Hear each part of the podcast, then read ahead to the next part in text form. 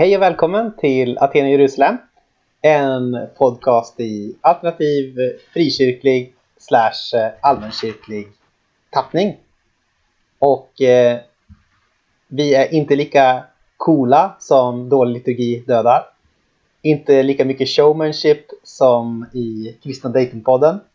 Men vi finns här. Vi finns här för dig. Och vi puttrar på. Jag heter Anton Jonsson och med mig har jag Maja Karin Lindahl. Maja-Karin Lindahl. Som, som vill protestera mot att vi, Vad sa du? är inte jag lika cool som Tobias och Kristoffer. Min självbild. Du, okej, förlåt. Vi reviderade till att ungefär lika cool som dålig liturgi dödar.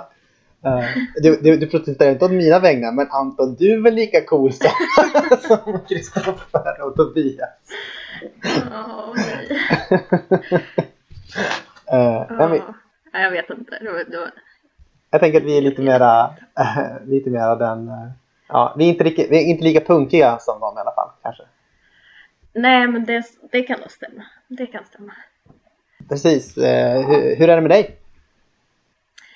Jo tack, jag har spelat in radio i förmiddags idag så jag är on fire. Wow. Jag var med på Ljungby lokalradios julkalender med kända och okända Ljungbybor. Fick vara en lucka där. Var du en känd eller okänd Ljungbybo? Nej, jag, jag sa att jag tillhörde kategorin okända Ljungbybor. Men man vet ju aldrig. Jag kanske, de kanske... Ja, man kanske är så apan liksom. Mm. I stan, som alla. Där går hon, där går hon, Maja-Karin. Precis. Viskar de. Med sin reflexväst. Har du en reflexväst? ja, typ alltid. Det är många som har de här reflexbanden nu tiden som är liksom så här kors, korsade. Eh, Ja, ja, mm, absolut. Det är verkligen coolt. Mm. Eh, ja, så... Nej, men eh, jag är på gång här. Hur är det med dig? ja men det är rätt bra. Eh, precis, jag har, jag är ju fortfarande föräldraledig och spenderar mina mesta dagar hemma vid och har det trevligt. Så, eh, trevligt, kul med barn och fru som kan vi sammanfatta det med. Ja, Eh, och så. Det, livet. Ja, jag har ju ett nytt... eh, Det kan ju vara kul för lyssnarna att veta då. Det kanske de vet om de är idogna lyssnare att vi ska ju få ett nytt barn också i, i januari. Så då kommer vi Mm. utökas till att bli en eh, liten, eh, liten fyrmannafamilj. Så det blir kul. Mhm. Och också kan jag säga så här Såg att... Förlåt. Nej, jag skulle säga om ett nytt barn. Om du såg eh, julhälsningen från prins Carl Philip och Sofia, prinsessan Sofia. Nej, jag missat. eh. jag är kanske inte... Jag vet inte. Är du mer ro- royalist än jag är kanske? Jag, Det- här är 100% min mans fel. Ja. eh, Att jag såg det här. Men i alla fall, de visade sig på klippet väldigt subtilt zoomade ut rummet de satt i. Eh, öppna spisen. Det hängde inte två sockar utan tre sockar på, nej! På vad heter det, spisel, Spisekransen? spiskanten. Ja. Ja. Och så stod det ett namn på den tredje sockan. Åh nej! Det är sant! Det, och jag, ja, eller jag bara kände att jag vet inte att man har olika förhållningssätt till det här när man väntar barn. Typ. Mm. Vad man vet om barnet som Ja, ska komma. Vi har ju den här mera eh, apofatiska inställningen då att vi vet inte barnets kön och eh, inte barnets namn riktigt heller. Vi har ju såklart alternativ som vi funderar på men så att det är Mm. än så länge så är barnet en främling för oss. Om ni vill ha ett, ett, ett prins, eh, prinsförslag så skulle deras barn heta Siri. Aha, ja men det är ett bra namn. Inte så kung, eller är det kungligt? Inte så Nej, jag jättekungligt. tyckte inte heller det kändes så. Det känns ganska... Jag tycker det känns ganska, vad ska man säga, allmoge, allmogenamn. Ja, lite franskt. Ja, Siri, Siri, Siri! iPhone. Precis, men de har väl så, Estelle är väl också ganska franskt också. De kanske, Jag tänker Bernadotte. är- de är ju frans, fransoser från början. Ja. Så det, de har integrationssvårigheter för vi kallar dem fortfarande fransoser efter att de har immigrerat. Ja, Silvia immigrerat. också är tysk. Ja, Men men, det här var ju verkligen ett sidospår. ja det, men var ju på väg någon annanstans. Jag vet inte, jag kommer inte ens ihåg vad jag skulle säga för någonting nu. Eh, jo, jag har inget jobb eh, i, så om någon vill anställa mig i vår till att göra någonting som är kul och sådär. Så Mm. hör av er till mig. Jag kan göra typ vad som helst som inte är liksom omoraliskt. Eh, det går, så det går bra. Så Ja, anställ Anton. anställ mig. AA, anställ Anton. Är det något du har funderat på på sista tiden då? Men Jag tänkte det är ju nytt år, eller det är liksom snart dags att lägga det här poddåret bakom oss. Mm. Slutet på december. Och det är ju ganska stort, ännu ett år till ända. Hur känns det? Det känns bra. Det här är året eh, med Aten och Jerusalem-familjen kan vi säga. Om vi får göra en liten pastisch på kungafamiljens tv-program. När vi gick från att vara två individer till att bli ett litet hushåll. Ett litet trons hushåll på internet-eten. Så det, det tycker jag känns väldigt roligt att vi har blivit eh, fler och ja, att det har funkat, funkat rätt bra tror jag. Ja. Tillsammans är vi starka. Precis. Knyt eh, vänstra knytnäven. Höj mot skyn. Så, vad tycker du då? Hur har det varit? Åh, nej det är ju väldigt en förmån att få träffa människor och läsa deras böcker och samtala om det man har läst. Jag, bruk, jag brukar ibland säga att Aten och Jerusalem är en avancerad scam för att få gratis böcker och eh, samtala med personer som vi tycker är intressanta. Så. Mhm. För att det är liksom svår, det är svårare att eh, om man bara mejlar och säger till någon, till exempel då, Nancy Murphy senaste avsnittet. Skulle du vilja prata med mig? Då kanske hon skulle svara ja, men nu har man liksom ett litet eh, skäl också. Man kan lägga fram det här, det är en podd. Mhm. Mm, precis. Så det, det är ju kul. Och det gör ju också att man själv arbetar lite grann med det extra kanske. Mm. Ja, Ja, vad vore podden utan lyssnarna? det vore ju, eh, den vore orimlig. orimlig Ja. och lite dum. Man kanske skulle ha en podd bara för ett par enstaka. Just det. det. Du kan ju, och då om man, är, om man är Patreon till oss, då får man ju del av saker som bara sex andra personer i världen har tillgång till. Mhm. Just det. Ja, det här är året vi har pratat om både allt ifrån eh, om Gud har koll på tiden, evolution, eh, demoner i sjukvården, baptistiska spädbarnsdop, eh, messianska judar, lidande och död och eh, äktenskap. Mm, just det. Mm. Mycket bra där. Ja, ganska, ganska brett ändå. En palett. Ja, in- ja lite mm, svenskt och nationellt och nordiskt och olika samfund och Mm. teman, helt klart. En gång så skrev de om våran podd på ett ställe att, eh, att det var en EFK-podd. Och då tyckte jag att puff, det var väl orättvist. Vi intervjuar ju en hel massa med bredd med folk. Men så, så räknade jag också liksom då och såg att det var ganska många från EFK. Så att det var ändå, det kanske inte var helt liksom eh, helt eh, taget i luften.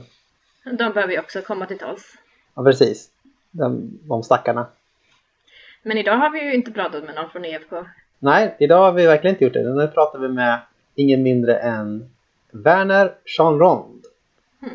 Han är ju en katolsk eh, gentleman. Men inte som han säger i den här intervjun, en yrkeskatolik. Utan någon som eh, ser som sin roll att vara på något sätt hela kyrkans och beyonds eh, teolog. Eller hur? Det skulle du säga så? Beyoncé. Ah, alltså, eh, både kyrkan och bortom kyrkans teolog är han väl lite grann, tänker jag. Det skulle jag säga, absolut. Ja. Han, han var ju professor i Lund på Lunds universitet i systematisk teologi tidigare. Mm. Ja, då får man vara liksom allas teolog kanske. Ja, och sätta in sig i, i ett större samtal. Mm. Och numera är han ju i Oslo.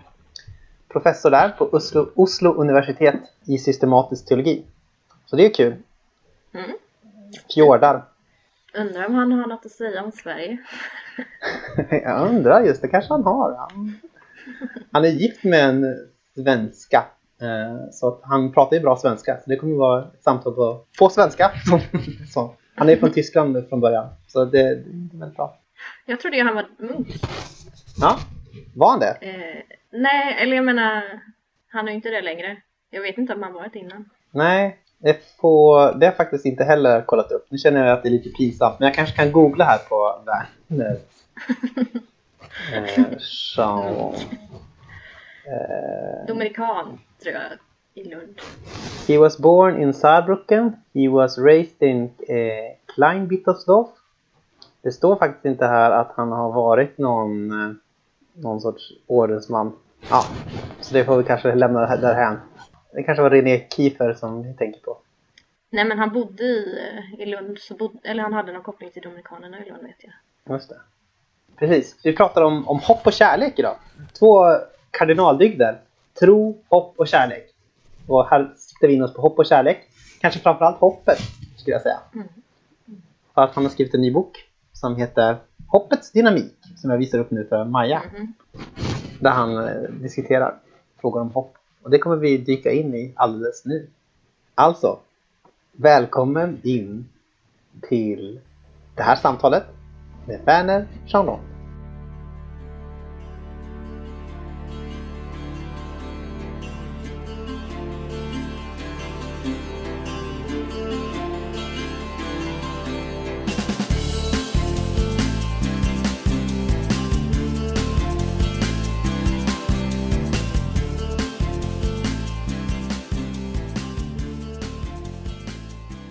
Hej och välkommen till Aten i Jerusalem, Werner, Jean Rond.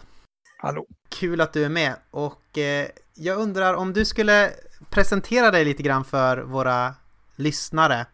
Vad skulle, hur skulle, vad skulle du lyfta fram då för något? Jag kommer från en märklig Eh, ställe i världen som eh, när jag föddes var inte tysk och jag blev tysk som barn. Eh, ingen i min familj är född i Tyskland men mina föräldrar bodde på samma ställe och gränsen flyttade fem, sex gånger hit och dit. Så vi, vi, jag kommer från ett gränsland och har lärt mig också att man kan överskrida gränsen om man så vill. Mm. För du, precis, för det är ju, eh, vad heter det området nu igen? Nu tappar jag Saarland. Ja, just det. Saarland. Och, ja. Pratar ni, pratar ni både franska och tyska då där? Varken det ena eller det andra. Vi pratar en dialekt eh, som är en germansk dialekt, inte så eh, långt från Sverige, svensk egentligen, från skandinaviska språket. Um, och den talas ju på bägge sidor av gränsen. Alltså jag växte upp dialekttalande, kunde alltså göra mig förstått på båda sidor gränsen. Jag växte upp 20 meter från gränsen förresten. Ja. Och, um, sen lärde jag mig högtyska och högfranska i skolan. Jag talar bägge två, men, men mm. hemma talar jag bara dialekt. Just det. Intressant. Du är ju en eh, katolsk eh, teolog och gift med en eh, lutheran, om jag har förstått det rätt. Och där kan man också säga att det finns ju också en sorts gränsöverskridande. Hur har den här positionen liksom mittemellan den katolska världen och den protestantiska påverkat dig som teolog? Jag har lärt mig från båda traditionerna och deras subtraditioner också. Och jag har aldrig eh, uppfattat mig som en yrkeskatolik. Eh, jag växte upp i en av de mest katolska områden i världen. 90 procent så är katolska i Saarland eller har varit det när jag växte upp. Och, men jag såg min roll som teolog att tjäna alla kristna och, och, faktiskt alla människor som vill befatta sig med den kristna traditionen, den kristna tros hopp och kärlekslivet. Och jag tycker vi har så mycket att lära från varandra. Och om man börjar närma sig teologi och tron från kärlekens håll, då är de skillnaderna inte så viktiga, även om de kan vara intressanta, mm. än det som vi har gemensamt, att vi alla människor står under Guds kallelse att älska varandra. Men älska mig inte att gilla varandra, men att verkligen befatta oss med varandra, befatta oss med våra skillnader, därifrån vi kan lära oss någonting och växa.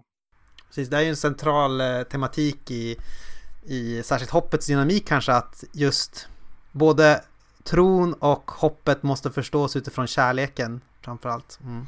Jag tror tron har övervärderats lite under den kristna historien. Mm. Um, och har då inte haft den resurs att genomskåda sin egen ideologiska trångsynthet ibland. Men börjar man med kärlek är man mera um, Eh, dåligt språk beväpnad med, med eh, försiktigheten att, att se att vad som gäller först är människan. Och människan som bär Guds ansikte och inte någon trosideologi eller troskatekes eller vad det nu må vara som man slår den andra över huvudet med. Mm. Men jag, jag, uppfattar ändå att din bok, eh, eller båda dina böcker, Kärlekens teologi och Hoppets dynamik, rätt katolska på det sättet att du går emot en, vad man kan kalla en protestantisk tendens att se kärleken som någonting som måste uppenbaras för oss eller att kärleken är någonting som Gud måste liksom egenmäktigt göra genom oss kanske. Eh, på grund av vårt fall, eh, fallna tillstånd och sådär. Jag vet inte om det är så protestantiskt. Jag tror det är mera svensk. Ja, det kanske är svenskt. Är mera... Tack vare eller, eller på grund av Anders Nygrens mm. Eh, inflytande, inte bara i Sverige men globalt. Alltså när jag höll en räcka föreläsningar i Kina för tre år sedan hade alla läst Nygren innan. Ja. Så det, var, det var spännande att, att ehm, um, avideologisera svensk teologi där lite. Men jag tror att när man inte tar emot den möjligheten, det potential att älska Gud, varandra, Guds skapelse och slutligen åt det svåraste sig själv. Om man bara säger vi kan inte göra någonting som människor, som Nygren i detta fall Sadat, vi är bara instrument för Guds kärlek, men vi, har ingen, vi är inte kärlekens aktörer.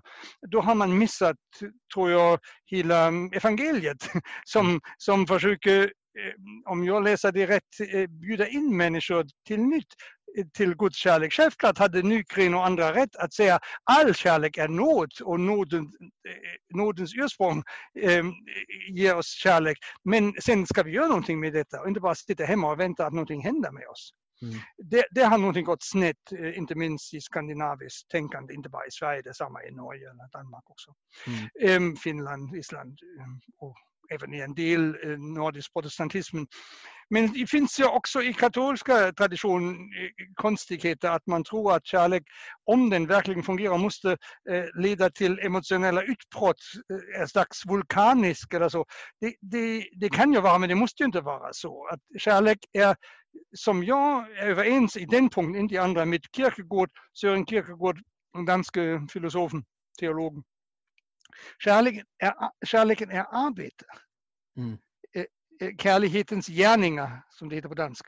Eh, vi, vi måste göra någonting med detta.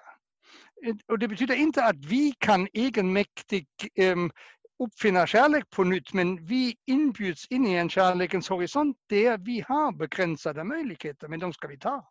Mm. Utan kärlek finns ingen fred, så fredsarbete är kärlekens arbete. Sorgearbete är kärlekens arbete och så vidare.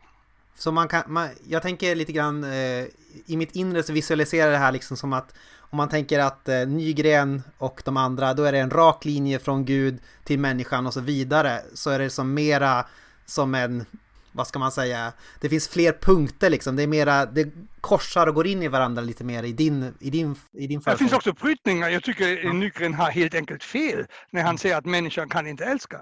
Mm. Det är dumheter att säga så. Mm. Och det stämmer inte heller att Luther hade sagt så. Det har Luther inte. Jag har läst Luther för att förstå varifrån det kommer. Luther har självklart sagt att människan kan älska tack vare Guds nåd. Mm. Eh, och det har eh, Nygren förnekat och har förment åberopat sig på Luther men felaktigt.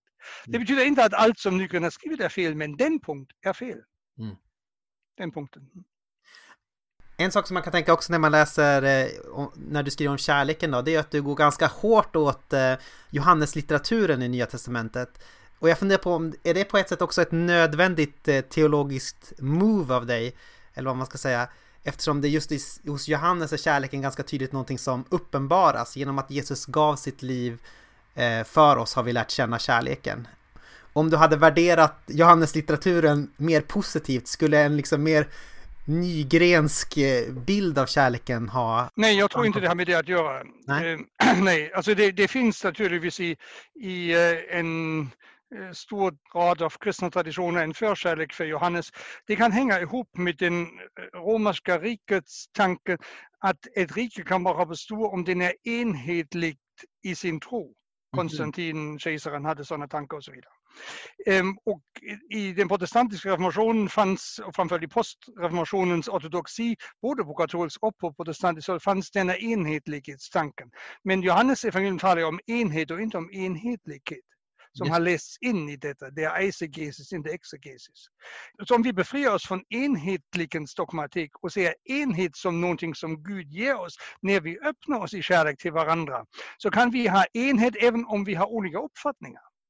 Just det. Ehm, och eh, den biten har ofta eh, förstörts genom att man har läst in enhet som en, tolkat enhet som enhetlighet. Jag har ingenting alls mot Johannes texterna. Gud är kärlek i, i första Johannesbrevet. Det är en fantastisk sammanfattning av vad hela livet utgår till. Men, men denna enhetlighet har gjort Johannesmjölken sur och det stöter upp. Just det. Det var en bra metafor. ja, och också en, så här, en fundering på, liksom, om man tänker ditt stora teologiska projekt här. Skulle man kunna säga också att det, du bedriver ett sorts eh, korrigering av en, av en felaktig eh, kristocentrism, alltså att Jesus blir den som på något sätt ensam definierar hoppet, ensam definierar kärleken och sådär. Skulle du, är det någonting som du känner igen dig i? Ja, det, det är så. Alltså, kanske måste börja på ett annat ställe. Jag uppfattar eh, min kallelse och andra kristnas kallelse som att, att följa i Jesus spår, att mm. vara Jesu Kristi lärjungar. Och det betyder att vi inte bara börjar lärjungar, vara lärjungar under korset, men vi är också lärjungar på vägen till korset. Och det var kärlekens väg som ledde till korset. Så man kan, man kan inte äh, tala om kärlek utan att vara beredda att också eh, finna sig kanske under korset igen. Men eh, Jesus har inte uppmanat oss att bära hans kors, men att bära vårt kors. Mm. Och att därför är beredd att betala priset så att säga för den kärlekens väg som vi i hans efterföljelse slår in på. Och här har det ibland skett någonting att Jesus har, och borde i, alltså i alla kristna traditioner har det hänt, inte bara i protestantismen, att eh, Jesus har blivit ett kultobjekt. Och, och, inte till den som kallar oss, kallar oss till efterföljelse. När jag ber till Jesus ber jag om att eh, få en rätta sinne att följa honom och inte bara eh, be till honom som den stora härskare eller konung, eller de monarkiska metaforerna som vi har samlat på oss under årets gång. Så här, här måste vi befria oss å ena sidan från en hel del überbau som Karl Marx skulle säga, alltså från, från vad vi har lagt på och eh, fria Jesu utmaning igen. Att inte gilla alla, eller oss själva, men att börja älska varandra, till och med oss själva. Och älska Gud och Guds skapelse. Och kristologi har för många kristna generationer tyvärr blivit en väg ur Guds skapelse, ur Guds rike och inte till Guds rike. Och här måste vi korrigera en del, det är riktigt. Alltså jag är inte emot kristologi, men jag är emot en kristologi som förlamar människor eller reducerar Kristus till kultobjekt. Mm. Så om vi ska prata lite grann om hoppet. Du beskriver hoppet som relationellt, alltså att det är alltid relationellt. Mm. Och, och, då kan man tänka så här, är det det? Är inte, är inte hoppet någonting som är ganska personligt eller så? Var, varför är hoppet relationellt? Bara på, precis på grund av det personligt, du har helt rätt.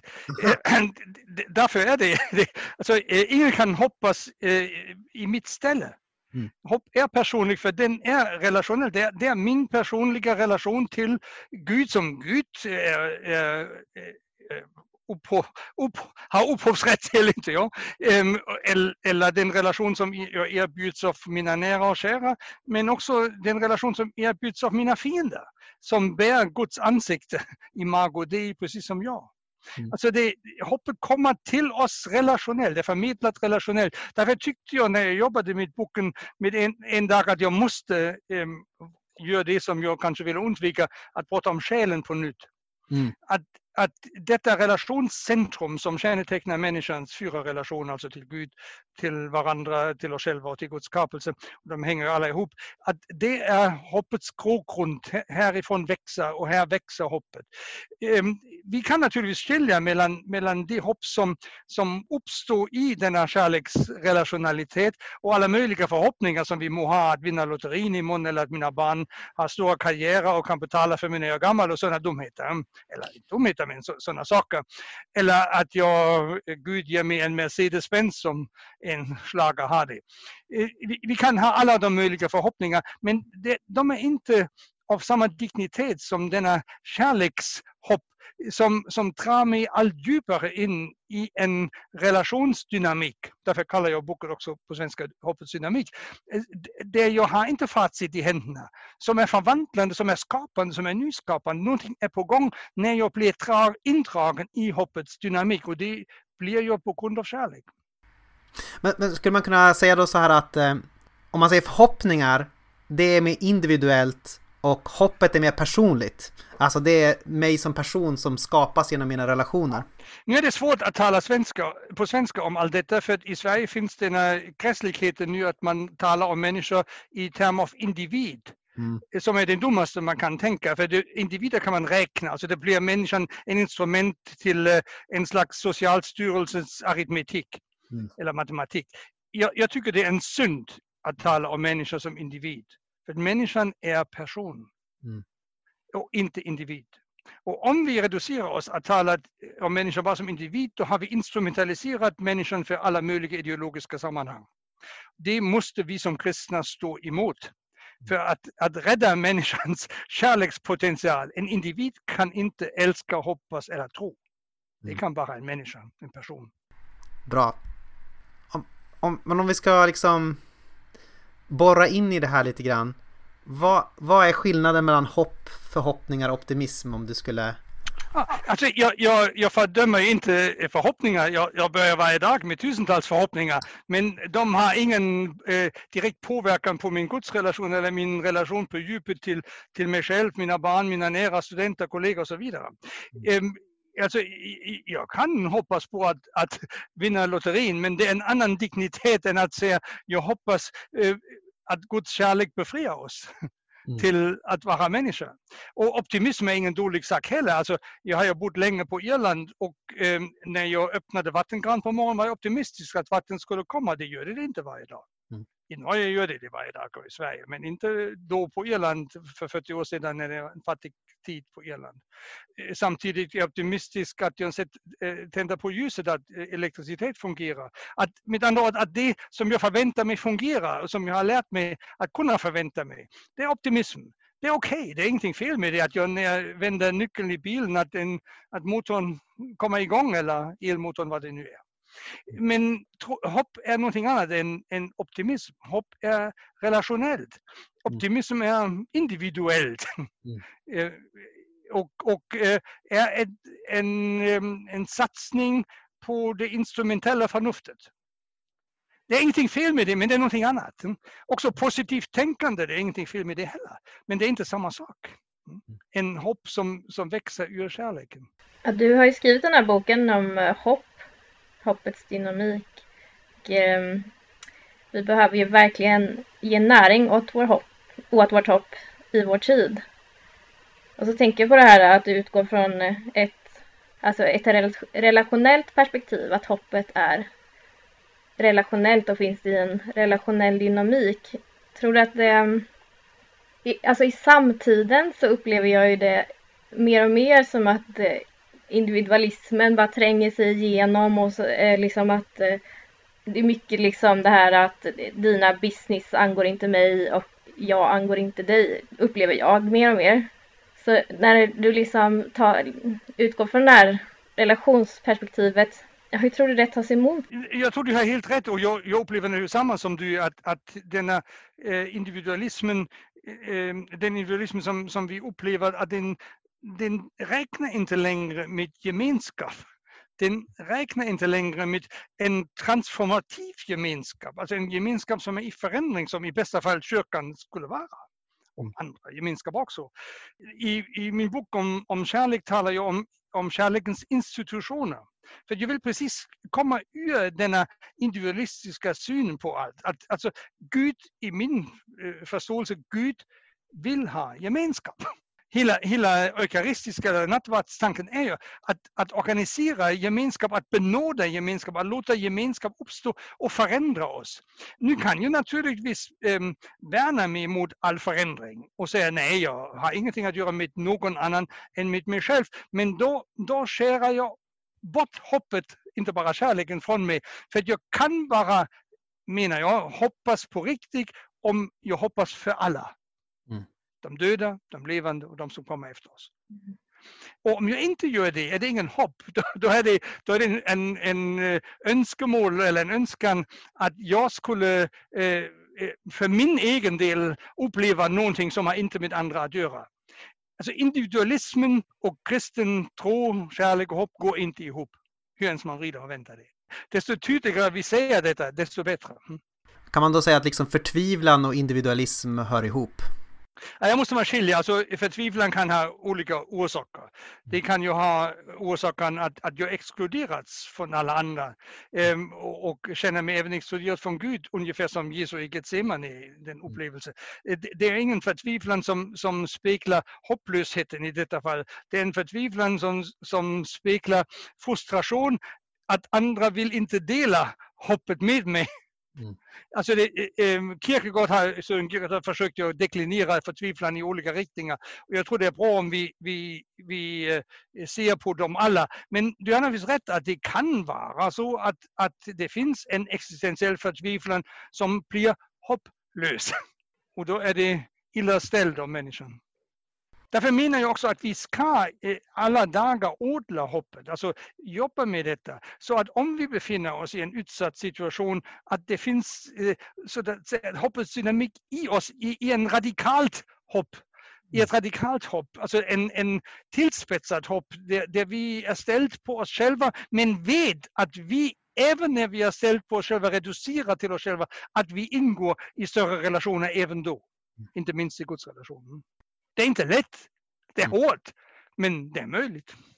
Tänka på Bonhoeffer då innan avrättningen eller, eller ja, på alla de här eh, kristna och andra martyrer för, för rättvisan, kärlek, hopp och så vidare. Jag vet inte om du känner till ett begrepp som kallas aktivt hopp? Nej. Det är, um, alltså jag tror att det är liksom ett sekulärt begrepp som uh, jag har dykt, eller jag har stött på det i uh, till exempel så omställningsrörelser, alltså eh, rörelser som jobbar mycket för, ja, för klimatet och skapa hållbarhet mellan människor och naturen och sådär. Eh, och, eh, och, och, där liksom lyfter man fram att eh, hoppet, eh, det är ingenting som vi har utan det är någonting som vi är eller gör och att det också, alltså genom att hoppas så skapar vi förändring.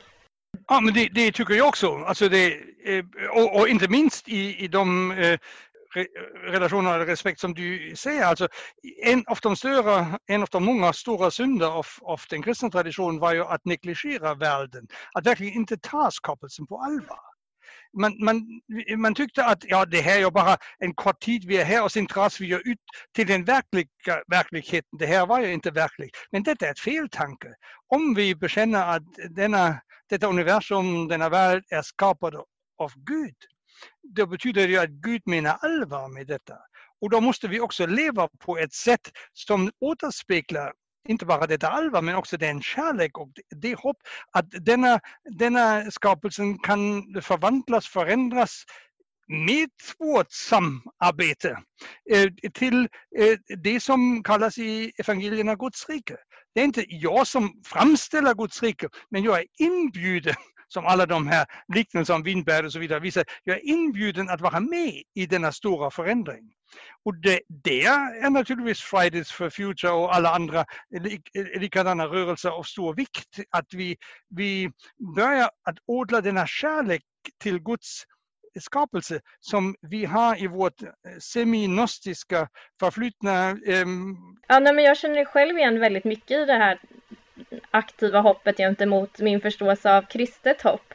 Men det finns ju en stor skillnad och det är ju den här, alltså du pratar ju om de fyra relationerna och men jag har inte, jag upplever som att det inte finns en, en relation till det gudomliga i, äh, i det här sättet att hoppas. Att det, det är ganska psykologiskt på ett sätt.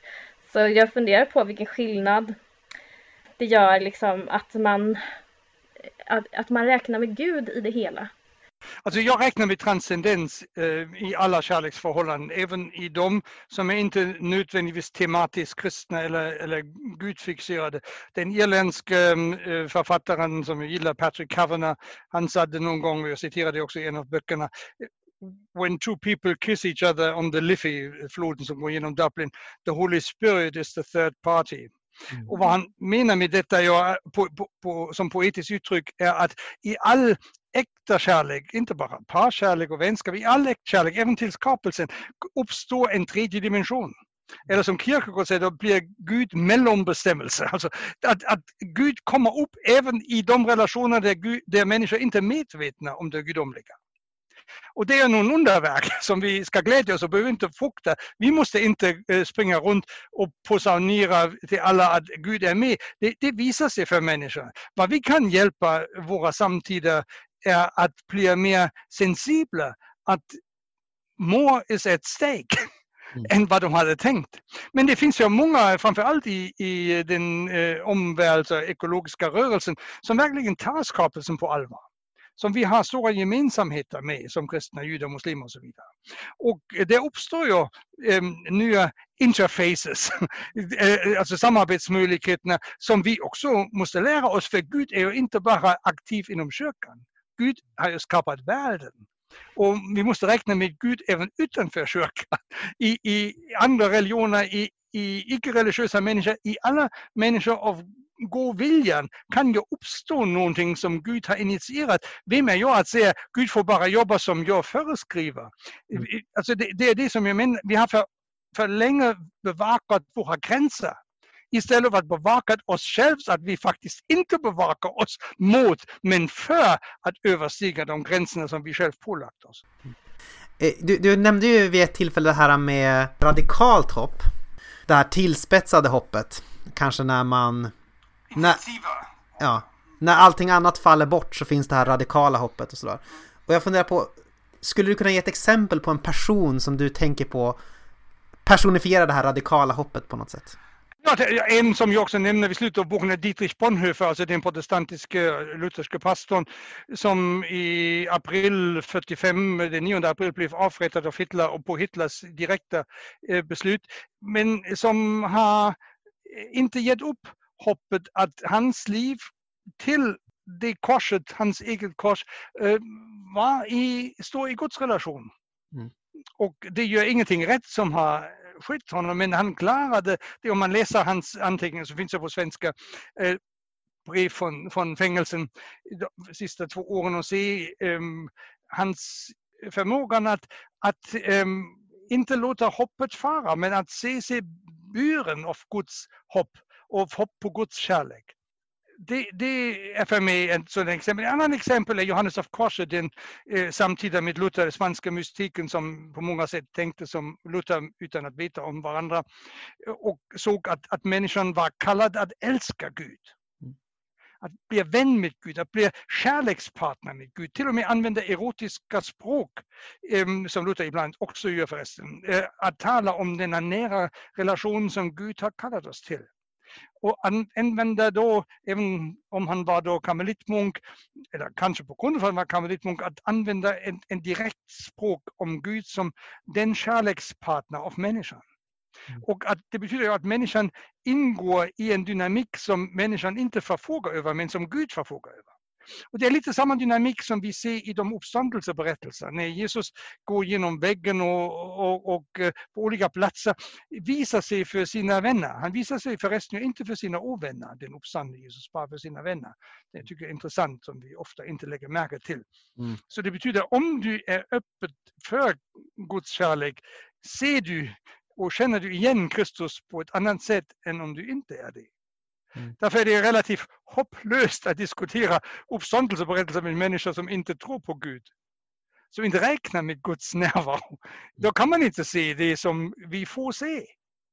Och eh, kan man se, kom och se, är jag, är jag inträdesbiljett till Guds rike. Det är inga andra stora eh, grejer som vi måste göra. Och både Johannes av Korset och Martin Luther försökte jag eh, sänka tröskeln att komma in i Guds kärleksprojekt. Mm. Men det säger först måste du göra si så och köpa så många avlatsbrev eller vad det nu må vara. Ehm, men att alla kan som vill dras in i Guds kärleksvirvel eller kärleksvulkan eller vilken, vilken metafor man nu väljer för att visa på den dynamik och det finns ju flera eh, eh, metaforer man kan välja. Och den, det radikala hoppet uppstår alltså för människor när allt är skalat bort utom de grundläggande relationerna till Gud, till de andra, även de andra som mördar mig. Som Thomas av Aquin sa, även de som mördar och mördar mig bär ju Guds ansikte som Kain och Abel historien gör mycket tydligt. Mm. Alltså, du, man kan inte bli av med Guds ansikte. Um, och, och, och, det betyder inte att vi ska gilla de människor, vi ska älska dem, det är någonting annat. Vi har, inte minst i Sverige, satt ett likhetstecken mellan gilla och älska, men det är inte samma sak. Thomas av Aquino på 1200-talet sa att Gud, även Gud kan inte tvinga mig att gilla mina fiender. Gud bara kallar mig att älska dem och det är någonting annat. Mm. Ingen kan tvinga mig att gilla mig själv. Jag gillar mig själv ofta inte. Men att älska mig betyder ju att räkna med att det är inte bara jag som gör mig, men även Gud och ni och andra, alla omkring mig och Guds skapelse, spelar med i mitt självtillblivande. Jag tror här, här måste vi ställa, eh, eh, eh, ordna vägen lite mer mm, omtänksamt än vi har gjort tidigare. Det hjälper inte att vi tror på katekesen här, var eller på tredje, det, här handlar det också om att erfara Guds närhet och Guds förlåtelse och Guds återinbjudan. Jag skrev i ett annat sammanhang, den kristna religionen kännetecknas genom att den är nytt varje morgon, en ny varje morgon. Mm. Man kan börja på nytt hela tiden. Det är något fantastiskt. Det har vi glömt ibland. Mm. Och allt detta hänger ihop och är alltså bärkraften för det radikala hoppet om jag skulle finna mig ställd till på mig själv av olika anledningar. Alltså utstött mm. som leprasjuka i, i Bibeln eller, eller coronasjuka idag. Jag tänker på alla de eh, många tusen som har dött i Sverige nu ensamt. Eh, de konfronterades ju med detta radikala hoppet när ingen annan var omkring dem. Och jag kan bara hoppas att de upplevde det radikala hoppet mm. och inte den gräsliga förtvivlan. Man eh, växlar lite grann till en annan aspekt av hoppet kanske, eller hoppets objekt, så skriver du vid ett tillfälle att eh, reformationen har förändrat våran syn på döden. Eh, på, på vilket sätt har, har reformationen förändrat vårt sätt att förhålla sig till döden? Och det är ju ganska aktuellt i de här tiderna när vi står inför ganska mycket död? Alltså jag, jag, historiskt nog förstår jag mycket tydligt varför reformationen försökte kritisera och jag, jag håller med reformatorerna den, denna um, romerska instrumentalisering av döden och livet och allt för sina ideologiska um, projekt att bygga Peterskyrkan tack vare folks betalning med illusionen att, att efter döden skulle de få lite mindre lidande eller lite större frihet. Allt all detta, hela detta kommers uh, efter döden. Det har reformatorerna sin försökt att säga mindre om döden. Och det förstår jag historiskt. Men jag tror vi måste säga lite mer om döden. Inte att vi begriper döden som mysterium. Eh, mysterium är någonting som dras in desto mer vi vet om det. Alltså, men vi, har, vi kan ju inte hoppa ur och säga någonting vad händer efter döden. Det enda som vi kan säga eh, om döden är vad vi har upplevt i livet och vad andra före oss har upplevt. Och där har vi jag tror det är kanske förståeligt nog, men ändå synd att, att reformationen har lett till att vi inte befattar oss med döden så mycket som vi borde göra. Det är mycket intressant om man utifrån sett, eh, tittar på Sverige nu, att i alla de andra länder som jag har levt i eller haft kontakt med fanns det inte bara personliga eller kyrkliga eh, akter för att minnas de döda. Det fanns också statliga minneshögtider för alla de coronadöda. Men mig vetande har detta inte skett i Sverige. Nej. Och då kan man fråga sig varför är det så? Eh, vad, vad, vad har hänt? Och nu skäller jag inte mot Luther, därför att eh, Stefan Löfven och andra inte organiserar en statlig eh, minnesstund för alla de döda, även om jag tycker det borde göras. För att annars eh, har man instrumentaliserat de 6000 plus individer som har dött. Och det, det, är mycket farligt för det kollektiva medvetandet av, av svenskarna och svenskars framtid. För då dödas hoppet om det dödas människa på det sättet. Och bara individer har försvunnit. Mm. Eh, vad, är de nu? vad, vad, händer med dem nu? Vad, hur relaterar vi till de döda? Sören Kierkegaard, danske filosofen, teologen, sa en gång kärleken till de döda är den renaste kärleken som finns. Jag har funderat mycket över vad han kunde ha menat med detta eller vad, vad det kunde betyda. Och jag tycker i Sverige finns det en slags um, klandighet. Man, man vet inte hur man ska hantera begravningar, de döda. Och, och det var intressant att, att det först krävdes Antje Jacqueline och andras, eh, andra kristna ledares eh, påhopp på regeringen säger så får ni inte göra. Att reducera familjerna till bara åtta stycken som kan vara där. Eh, här måste vi vara mera begravning än människorätt. Det hade man inte tänkt på. Och, Mm. och som tur var hade de lyssnat. Alltså det, det är ju fint att de har gjort det. Så att det finns en, en annan sätt. Men, men här, här, här saknas mycket. I alla de år jag har levt i Sverige eller haft kontakt med Sverige har jag inte upplevt en slags allmän diskussion om, om döden och dess roll i livet. Mm. Det märks ju just nu i denna katastrofala situation med, med eh, eh 20 gånger så många döda jämfört med Norge per befolkningsstorlek. Eh, att, att här finns en, en obarmhärtighet, en hopplöshet att relatera till de människor som har eh, försvunnit. Det, det är någonting som, som är bokstavligen hopplöst och mot detta vill jag kräva att vi ska på nytt relatera till varandra och till de döda på ett sätt som låter hoppets dynamik komma igång igen. Jag moraliserar inte, jag försöker analysera och säga här är någonting som är galet. Här måste vi tänka nytt. Det har väl konstaterats också, eller det har väl eh, framförts kritik mot Sverige också att det är just som att man, man tänker på något sätt så pass eh, kollektivistiskt att man inte tar så mycket hänsyn till de döda eller till eh, den enskilde så mycket utan det är liksom vi måste, det, vi måste, ta, ta, vi måste ta alla de här äh, faktorerna i beaktande. Och på något sätt så gör det att när man äh, har alla den här listan med, med saker som man måste ta i beaktande så faller liksom den enskilde människans död bort på något sätt och den det påminner mig Ja. ibland på kommunistiska Sovjettiden när, när de döda blev en allmän massa, men Mm. inte, inte personer längre. De blev avpersonaliserade. Men där måste vi ju vara på vakt. Om våra döda blir avpersonaliserade blir vi det själv också.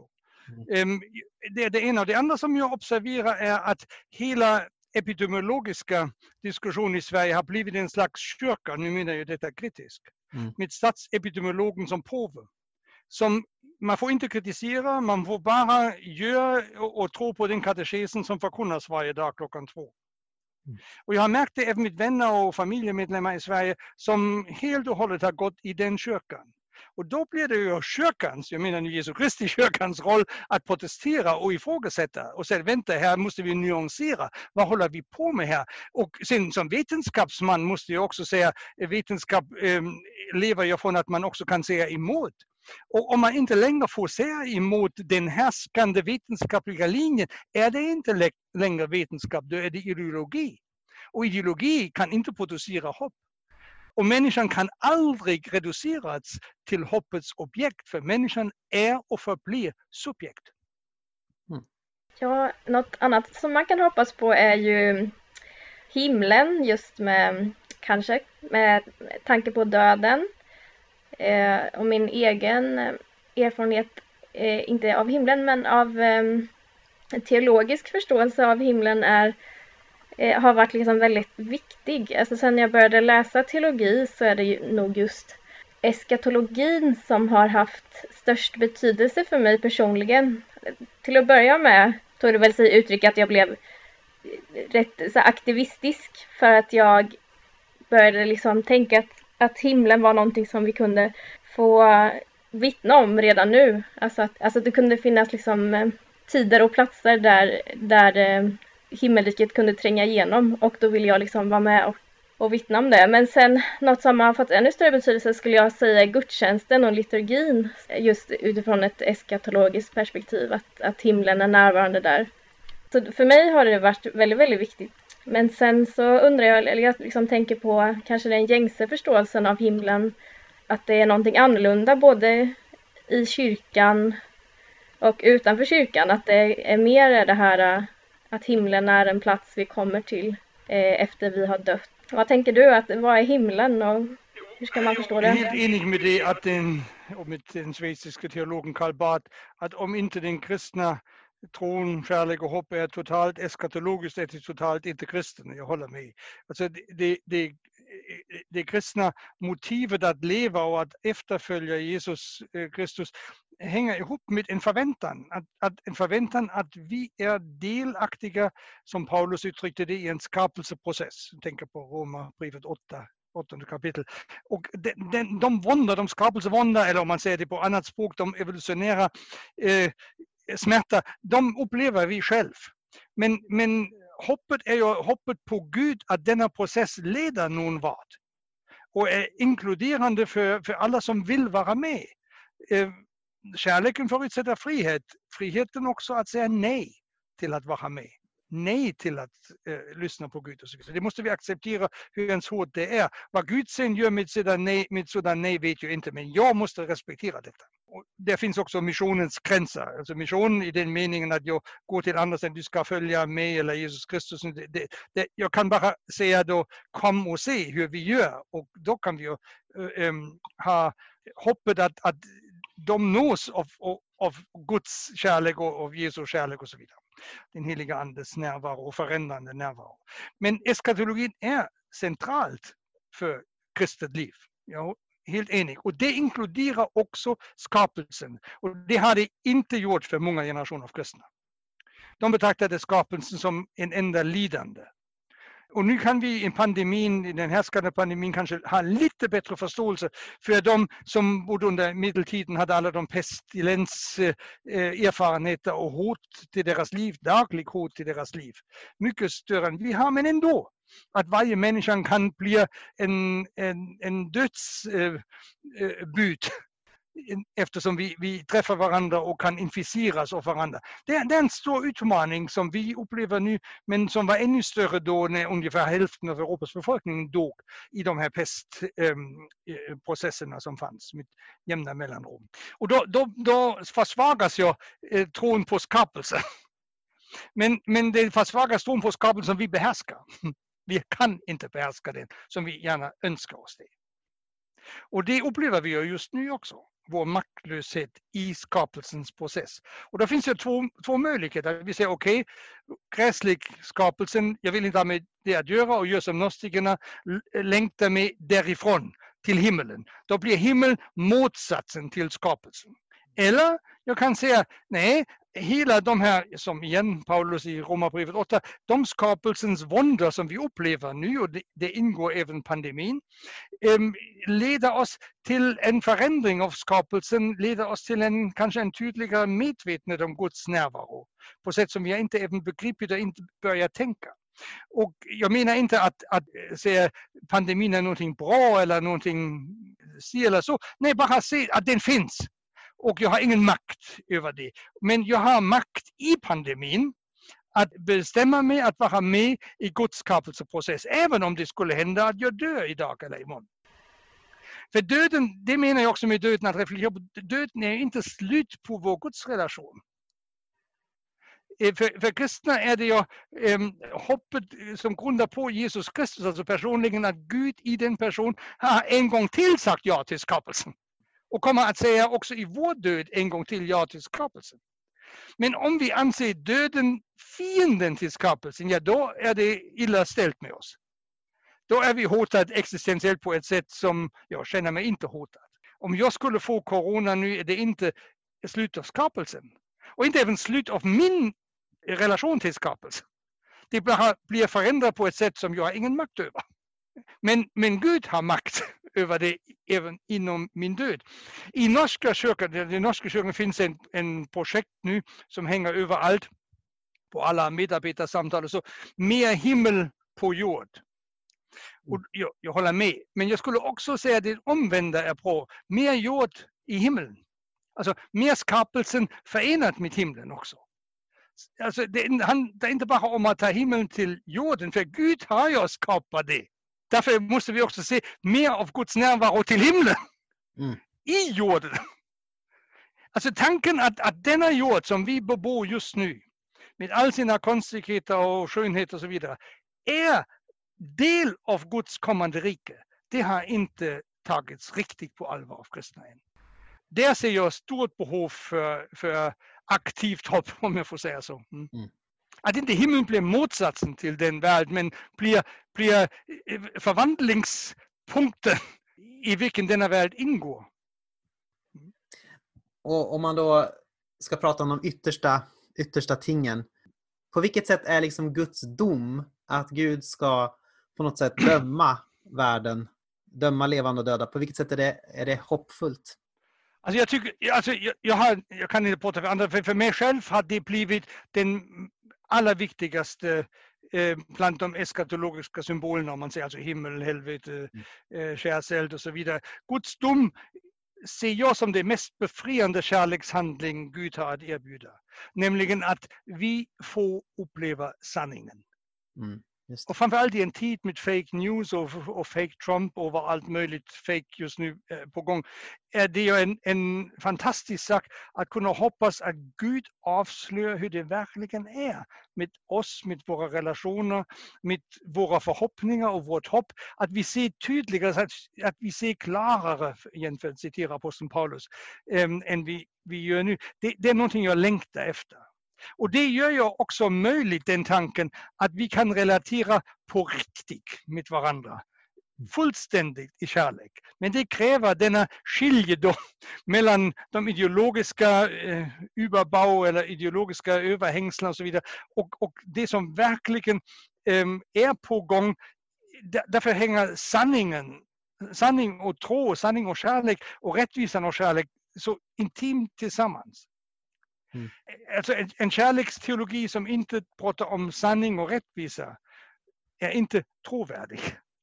Precis som en tro som inte talar om kärlek är inte trovärdig. Mm. Vi brukar alltid avsluta våra intervjuer med att ställa två frågor. Och den första är, vem är Jesus? Jesus är, om man säger det för att samman, sammanfatta det historiskt, är en Davids son alltså av, av, av det eh, släkt i Israel som av eh, eh, något sätt som vi kan inte fullständigt begripa öppnade sig så totalt för Gud att Gud kunde bli allt i allt i honom och visa att hans förkunnelse, hans död och hans uppståndelse blev ledstjärna för vår kärleksväg till Gud, till varandra, till oss själva, till Guds skapelse. Alltså på det sättet förstår jag inkarnationen, eh, att, att, att, Gud på, på ett sätt som jag kan inte behärska eller, eller begripa, men som jag kan efterfölja och blir eh, allt mer intragna i denna kärlekens eh, mysterium. Mm. Precis. Och den andra frågan är vem du tycker att vi borde intervjua i den här podden? mm bland kollegorna här i, i Norge tycker jag Jan-Olof Henriksson är intressant. Han är luthersk teolog i, i religionsfilosof, etiker i menighetsfakulteten. Men som har en, en djupt eh, sensibilitet för människans relationalitet. Även för, ehm, för mystiken, för, för helandet, eh, även det fysiska helande i Kristi efterföljelse. Det är en intressant man att prata med. Sen tycker jag att Karin Johannesson, biskopen i Uppsala, är värd att prata med om ni inte har gjort det. Ehm, hon har mycket att säga och intressant att säga. Mm. Jag har haft för, för två veckor sedan ett, ett samtal med, som Verbum förlaget har organiserat med Antje, um, Antje Jackelin och det, det var, vi har båda skrivit om hopp och det har varit givande åtminstone för mig. Jag har lärt mig en del från det. Ja, jättebra. Tack så mycket. Det var väldigt roligt att ha med dig. Det var intressanta böcker du har skrivit. Jag tycker det var hoppgivande att höra dig lägga ut det här.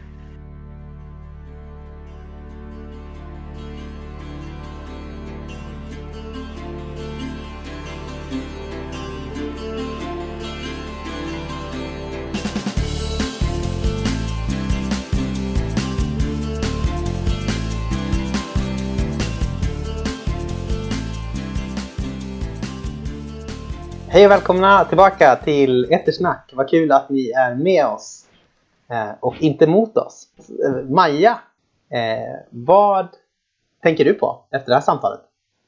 Ja, jag tänkte först och främst på vilken förmån det är att få eh, när man har ett samtal med någon få så gå tillbaka till det och att det är inspelat och så får man lyssna en gång till eller flera gånger och så kan man lyssna mycket mer noggrant på vad som sades. För att jag, för att när man är i samtalet så kanske man tänker mer på vad man själv ska säga eller man lyssnar efter vissa ord eller något man förväntar sig höra. Men nu när man har en podd så kan man liksom lyssna på det igen och höra helt nya saker om och om igen. Och jag har gjort en hel lista med saker här som jag liksom med, med sägningar och meningar som jag fastnade för Fast eh, hos Werner. Han, Visst är han väldigt bra på att göra sägningar? Eller? ja, alltså eh, han, eh, men han är väldigt slagkraftig på något sätt. Eh, på det sättet han uttrycker sig. Och ehm, han är verkligen en sån love prophet. Ja. Alltså just att han tar sin utgångspunkt i kärleken. Ja, precis. Och det är ju det stora, som man, om man tänker skillnaden som han gör gentemot en del tidigare systematik då, som tar sin utgångspunkt från tro. Så vill han ta liksom, kärleken som startpunkten för tron. Eller för, eh, för teologin. Mm. Närma oss teologin och tron från kärlekens håll. Precis. Det var, är det så han sa? Eh, det var ett citat du citerade där, eller? Mm. Ja, men det är ju en ganska sympatisk väg att gå. Ja, och jag tycker också han gör det, gör det själv också på något sätt. I samtalet och jag kände mig ju inte så här tillrättavisad men påmind om eh, det, ja men det sättet att se på andra människor i en fråga jag ställde. Att jag inte alls utgick från något kärleksfullt perspektiv kanske, som jag borde. Utan ett ganska ifrågasättande och dogmatiskt perspektiv. Och att han lite så här korrigerade mig i det.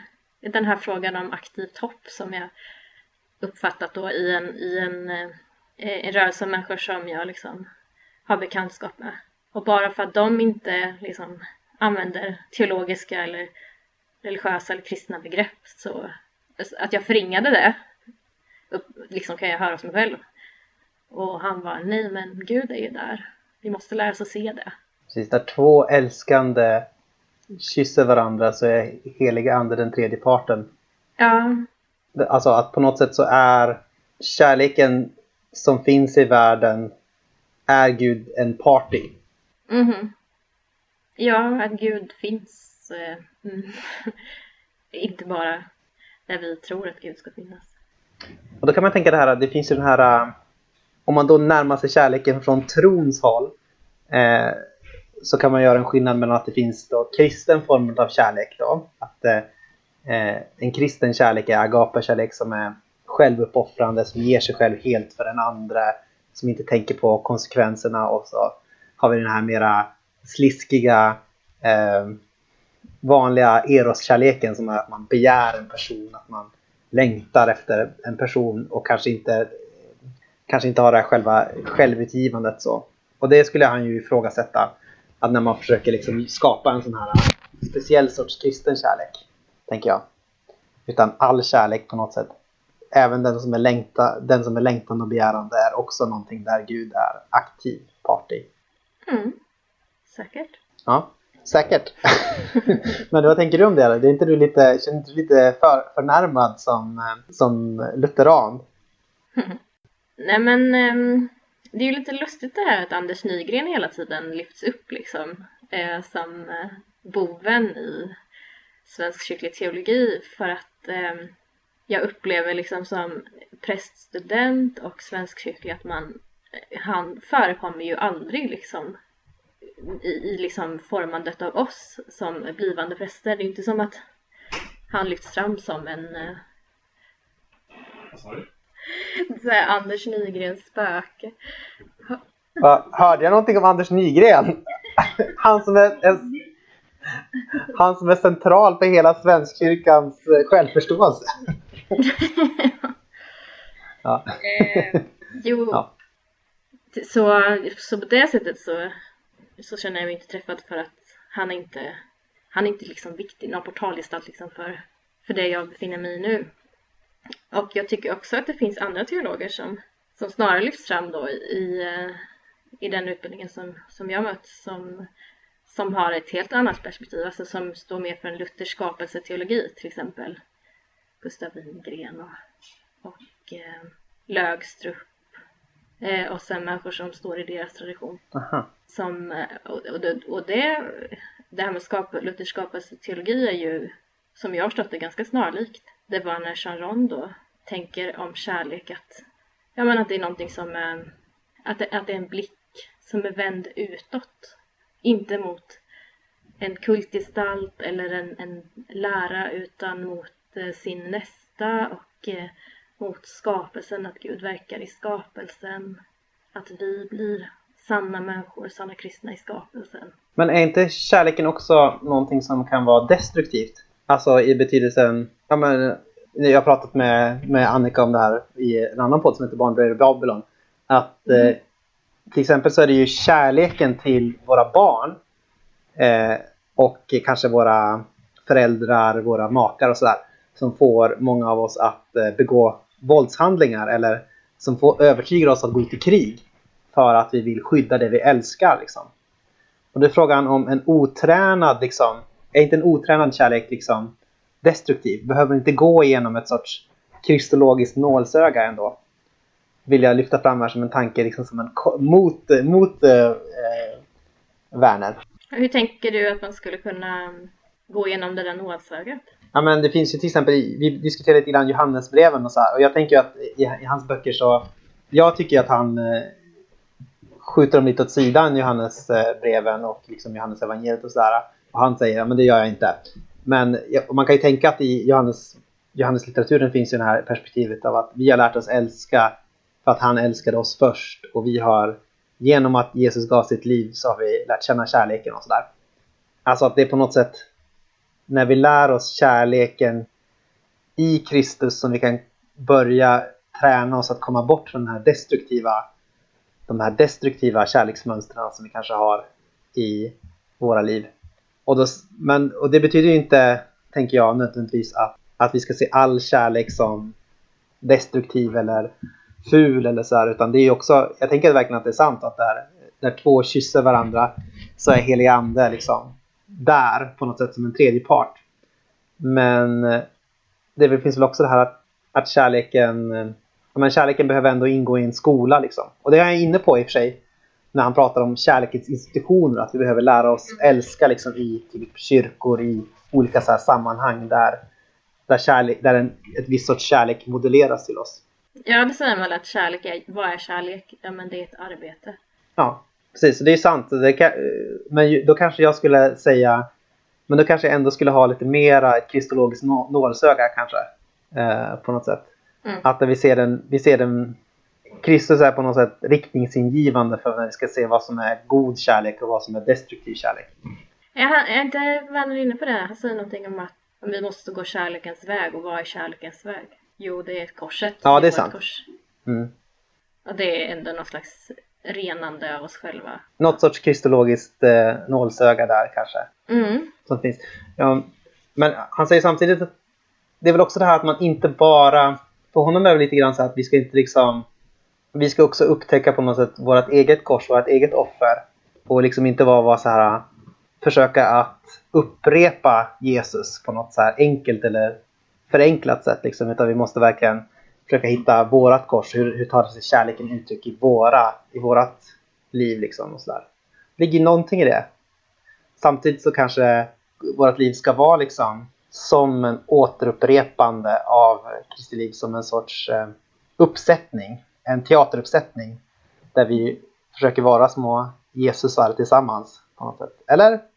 Fast samtidigt med ständigt ny improvisation, med ständigt nya situationer liksom som uppkommer. Mm. Och det kanske är det han säger också, men det får, det får jag fundera mer på. Mm. Mm. mm. Ja, nej, han börjar med det här med kärleken och sen så går han in eller visst är det så att han ska han skriva någon slags teologi då kring de här äh, dygderna? Ja, den sista som kommer då är ju om tron, att han skriver en bok om tron. Okej, för att han tycker att tron är liksom, den kommer sist av de tre. Precis, den kommer sist. Kärleken är ju störst. Eh, när allting annat har förgåtts så är kärleken kvar. Mm. Vad är det Paulus säger i eh, första Korinthierbrevet? Störst av dem är kärleken. Ja, precis. Nu består dessa tre. Tro, hopp och kärlek. Och störst av dem är kärleken. Just det. Mm. Så det är ju rimligt då att man, tänker, att, man, att han utgår från kärleken i sin teologi på det sättet. För att Paulus säger att det är störst. mm. Vill du lyfta upp någonting om det här hopptemat. Det är ju ändå det som han, boken handlar om som Ja, är aktuell. ja men eh, det väl, finns väl supermycket, supermycket att säga om, om hoppet och bara därför kommer jag inte på eh, vad jag ska säga just nu. Jag, jag tycker att det var väldigt så här eh, det här med att hoppet alltid är relationellt som är liksom en väldigt central tanke hos honom. Alltså att vi kan bara hoppas tillsammans. Det tänker jag ändå var det tycker jag var liksom bra insikt för mig. Mhm. Alltså att eh, jag kan ha privata förhoppningar. Jag hoppas att jag vinner på Lotto. Jag hoppas att eh, jag får en bil eller ett jobb eller sådär. Men när det kommer till hoppet är alltid någonting större. Det måste alltid inbe inbegripa andra på något sätt. Jag hoppas att den här världen ska vara beboelig för mina barn. Jag hoppas på något sätt att jag hoppas att, eh, att kärlekens institutioner växer till och inte hatets liksom. Och för att jag ska göra det, för att jag ska kunna ha det hoppet så behöver jag inbegripa andra i det. Och på något sätt så pekar alla de här hoppen också ytterst sett fram eskatologiskt. Att han säger liksom att de har liksom en, en horisont i att Gud måste fullkomna det. Så det, ja, men det tycker jag är en väldigt bra det är väldigt bra och eh, så här, tanke. men, just det, så är det när han, när han sa det liksom så. Ja, hoppet hör hemma i, i viet. Mm. Det finns ju en så här otrolig samtidslögn eh, som jag eh, har verkligen så hakat upp mig på just nu. Som, som är så här you do you. Mm. Känner du till det? Ja, ja. Mm. Du har också stött på det. Ja men typ som att folk bara så här, så fort det är någon som har en åsikt om någonting så bara, ja ah, men vet du vad? You do you. Och me do me. och jag skrattar åt det. Det typ är lite, lite fånigt. Och eh, man bara, men ser ni inte vad det här leder om du ska bara bry dig om dig eller? Alltså, det Och då säger de bara you do you, okej? Ja, precis. Så det är då man bara skrattgråter ihop i en liten hög. Ja, ja men det är bara vägs ände liksom. Det är nästan så att jag, jag är bara så, så här, sorgset förbluffad över det, den sägningen att jag typ inte riktigt vet, vad jag ska säga. Men jag vill egentligen ersätta den då med We do we. Yeah! det är superbra. Det är som den här uh, Ubuntu, det här uh, afrikanska, jag vet inte exakt varifrån i Afrika tyvärr, så det framstår kanske som lite kolonialistiskt. Men uh, uttrycket I am because we are. Mm, true. Och där tänker jag, det finns ju också det här med personbegreppet va? Eh, att han säger det att eh, jag hatar, eh, han hatar det här med Sverige att alla pratar om individer hela tiden. Eh, som att det är liksom, här är en människa och den har ingenting att göra med den här människan som står bredvid. Utan you do you, me do me eh, och sådär. Utan, ja men grejen är att vi blir till i mötet med varandra. Alltså, vi, jag är för att vi finns. Om du sätter ut en bebis på en öde ö så kommer den inte överleva. Det kommer inte bli någonting av den där bebisen. Det krävs liksom gemenskaper, relationer för att det ska bli en människa. Och ännu mer så för att det ska bli en ansvarsfull människa. Ja, precis. Usch, nej, vem vill vara en oberoende människa? Nej. Det, för det första, det går inte. För det andra, det är inte, det är inte så kul. Nej, inte i längden. Men jag ska inte säga någonting för jag är väldigt dålig på att lägga mig i andra människors angelägenheter. Jag är alldeles för feg för att ha för att yppa alla mina inre åsikter om hur folk lever och eh, beter sig och ja, vad de säger och lägger pengar på. Men vi kanske har ett ansvar att göra det egentligen. Ja, precis. Och det är väl på något sätt, hur ska man kunna skapa det förtroendet att, att kunna prata om med varandra. Men vad är det vi hoppas på? Vad har vi för gemensamt? Vad vill vi med livet liksom bortanför att ha en Volvo eller en hund? Finns det, något, finns det ett gemensamt projekt som vi är indragna i? Mm. Ja, just det. Och det är, så här, det är jättesvårt att skapa det förtroendet att få till sådana samtal tänker jag. Mm. Ja, man kanske inte ska börja med så här. Den där botoxen du går till varannan månad. Den är inte bra. Alltså det, är typ, det kanske inte är den bästa utgångspunkten för Det kan bli, det kan bli att folk blir lite, lite defensiva tycker jag om man säger så. Ja, Eller de bara, gjorde ju. Mm. Vad tänker jag också, eh, om inte du har något mer att säga, jag tänker på det här med döden också är väldigt intressant. han kör ju ganska hård, eh, lite Sverigekritik här. Sveriges eh, coronastrategi. Som vi kan säga så här eh, en bit in inte verkade vara den, den överväldigande succé som vi kanske trodde i början. Låt mig, får, jag, får jag citera Wernersson Rond? Ja, gör det. Tegnell är er påve. Nej, vänta lite. Det var nog jag som skrev det. Men han sa någonting med påve. Ja, han sa det, ja precis. Att, eh, och att det är liksom som att alla träffas där som en liten kyrka och lyssnar på de här eh, genomgångarna. Ja. Han tyckte kyrkan skulle protestera. Och det han på något sätt här lyfter fram särskilt det är väl hela det här med att döden, att vi inte har, att vi har inget bra språk för att hantera döden i Sverige. På något sätt. Att alla andra länder, eh, eller många andra länder har någon sorts offentlig liksom, hågkomst eller så här, av, från statens sida då kanske av de som har dött och fallit i den här sjukdomen. Men i Sverige så är, sköts all död, all död har blivit privat på något sätt. Det är ingenting som vi lägger sig i utan till och med i döden så säger vi You do you eh, och me do me eh, och kanske de närmast sörjande. Utan det, och att vi liksom då och då säger man, då blir vi liksom när döden blir så personlig så blir det också kanske lättare att rationalisera bort eh, alla som har dött i den här sjukdomen på något sätt. Mm. Det, det är riktigt bra och ansvarsfull eh, sätt att lägga sig i andra människors angelägenheter. Som teolog. Ja. Eller? Ja, jag håller med. Eh, jag tycker att det är bra. Det finns den här, eh, finns den här brottningskampen här på något sätt. Att om man tänker så här förr i tiden på glada 1600-talet. Då var ju folk liksom begravda i kyrkorna i hög grad. Mm. Och man kunde liksom känna doften av de döda i, i kyrkan. Och det var ingenting som var så här konstigt tyckte man. Utan de, de döda var liksom nära. Och sen så har vi mer och mer liksom förskjutit bort de döda från vår närhet. De är liksom, det är ingen av oss nästan som möter eller stöter på en död person. Så döden har blivit så opersonlig på något sätt. Och, Ja, klinisk. ja, klinisk. Helt rätt ord. Mm. Och därför också svår att ta in att folk dör liksom, på något sätt. Jo, men döden är ju verkligen en, eh, en del av det kristna livet.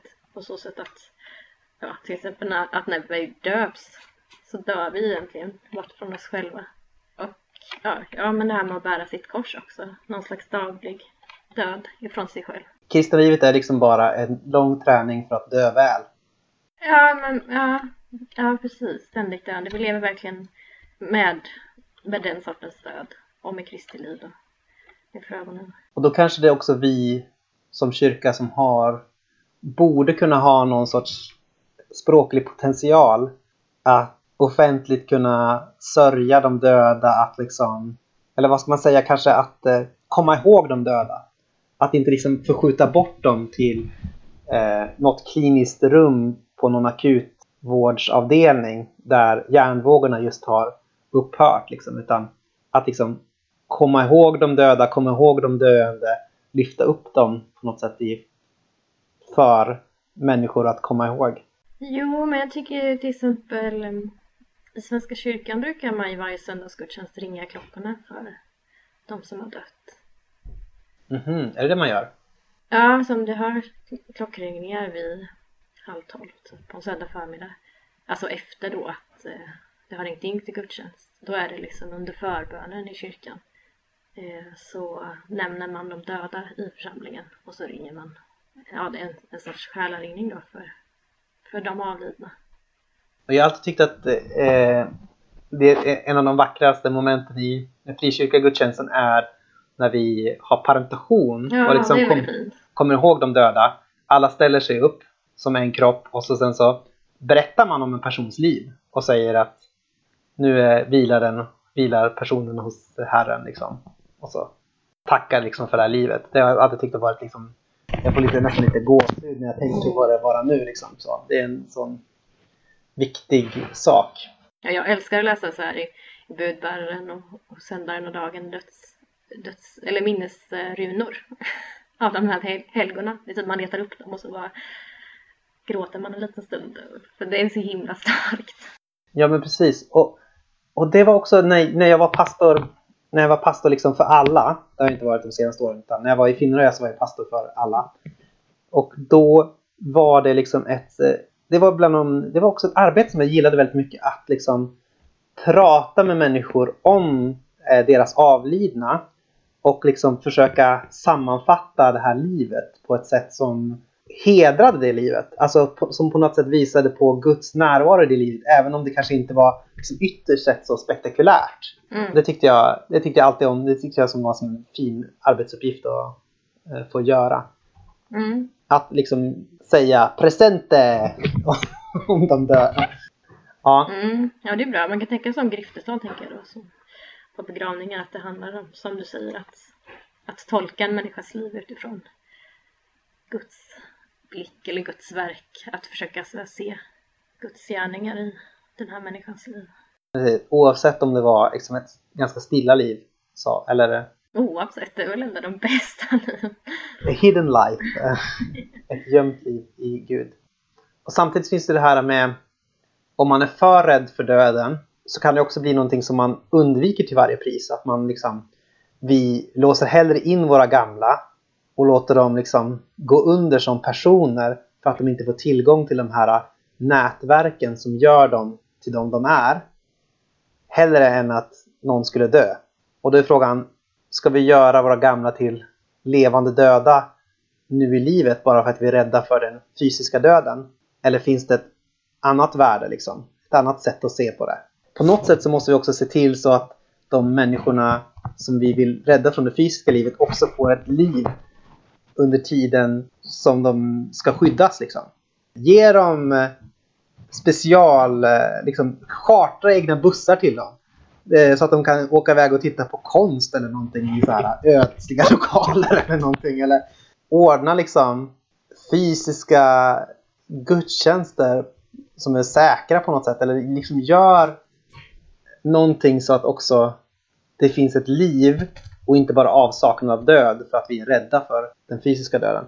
Så där, där, där finns ju också det här att om jag tänker i vissa länder om, om den svenska grejen är att döden blir anonym och därför kan vi låta hur många som helst dö så är kanske vissa andra platser att man gör, reducerar folk till nästan levande döda för att skydda dem från den fysiska döden. Och det är vi också kanske i viss del i Sverige eftersom vi inte ger några förmåner eller hjälper varandra så bra. Kan jag, av, jag avsluta med några av mina sägningar här? Ja, gör det. Starka ord från Jean Rond. Jag räknar med transcendens i alla kärleksrelationer. Det var den du var inne på där. Bara Kristi vänner känner igen honom. Mm. Vi behöver sänka tröskeln för att andra ska komma in i Guds kärleksprojekt. Mer jord i himlen. Den gillar jag. Väldigt bra avslutning. Och den sista då. Guds dom är den mest befriande kärlekshandlingen. Ja, Det tycker jag var väldigt kul att han lyfte fram, eller kul är ju fel ord, men alltså det här med att han lyfte fram domen som någon sorts väldigt hoppfull sak. Ja, det tyckte jag var fint också. Mm, Där vi får reda på sanningen. just det. Precis. Ja. Ja. Kul att ha haft det här året med dig, Maja, och med eh, alla er ni som lyssnar.